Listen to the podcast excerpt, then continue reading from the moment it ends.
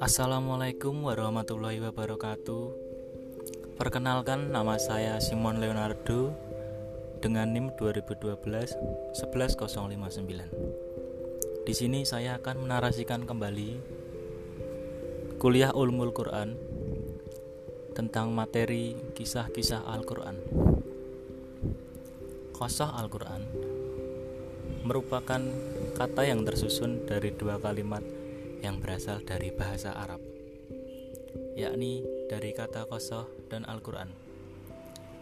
Kata kosoh merupakan jamak dari kisah, yang berarti kisah, cerita, atau hikayat. Kalimat kisah bentuk plural dari kata kisah. Apabila disambung dengan Al-Quran, maka boleh dibaca kosoh ataupun kisah, maka menjadi kosohul Quran ataupun kisahul Quran. Kedua-duanya dalam bahasa Indonesia berarti kisah-kisah Al-Quran. Kata kisah mempunyai persamaan makna dalam bahasa Arab dengan lafaz sejarah, tarik, sirah, dan atsar. Akan tetapi, kata-kata itu tidak terdapat dalam Al-Quran. Hanya kata kisah yang dipakai Al-Quran setelah menceritakan suatu rangkaian. Baik itu kisah Nabi dengan umatnya maupun kisah-kisah yang lainnya. Kisah-kisah Al-Quran terdiri dari beberapa bentuk, yaitu yang pertama, kisah para nabi terdahulu.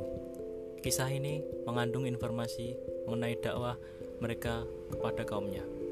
Mukjizat-mukjizat yang memperkuat dakwahnya, sikap orang-orang yang memusuhinya, tahapan-tahapan dakwah dan perkembangannya, serta akibat-akibat yang diterima oleh mereka yang mempercayai dan golongan yang mendustakan syariat yang dibawa nabi mereka seperti kisah Nabi Nuh, Nabi Hud, Nabi Saleh, Nabi Isa, dan masih banyak nabi-nabi yang lainnya.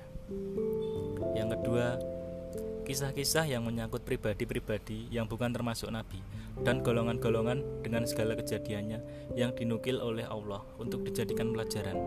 Seperti kisah Maryam, Zulkarnain, Luqmanul Hakim, dan Asbabul Kahfi. Yang ketiga, kisah yang menyangkut peristiwa-peristiwa yang terjadi pada masa Rasulullah, seperti Perang Badar, Perang Uhud, Perang Ahzab, dan Perang Bani Nazir.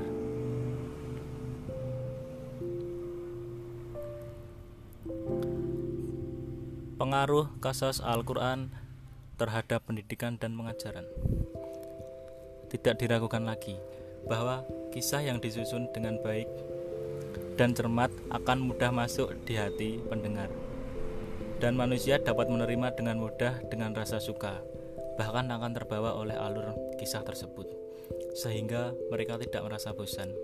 Sedangkan pelajaran dengan membaca dan ceramah saja akan menyebabkan bosan.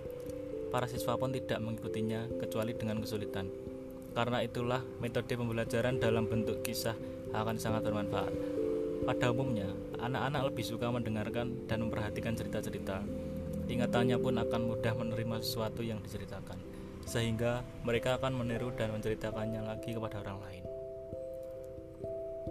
Kebenaran kisah-kisah dalam Al-Quran Sebagaimana kita ketahui bahwasanya Al-Quran adalah kalamullah yang diturunkan kepada Nabi Muhammad yang bernilai ibadah dalam bacanya dan tidaklah kisah yang ada di dalam Al-Quran kecuali kebenaran sejarah yang dituangkan dalam kata-kata yang indah dan tersusun rapi yang terdiri dari lafal-lafal dan uslub-uslub yang indah.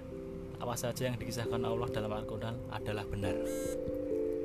Sebagaimana firman Allah pada surat Al-Kahfi ayat 13. Artinya, kami ceritakan kisah-kisah mereka kepadamu Muhammad dengan sebenarnya.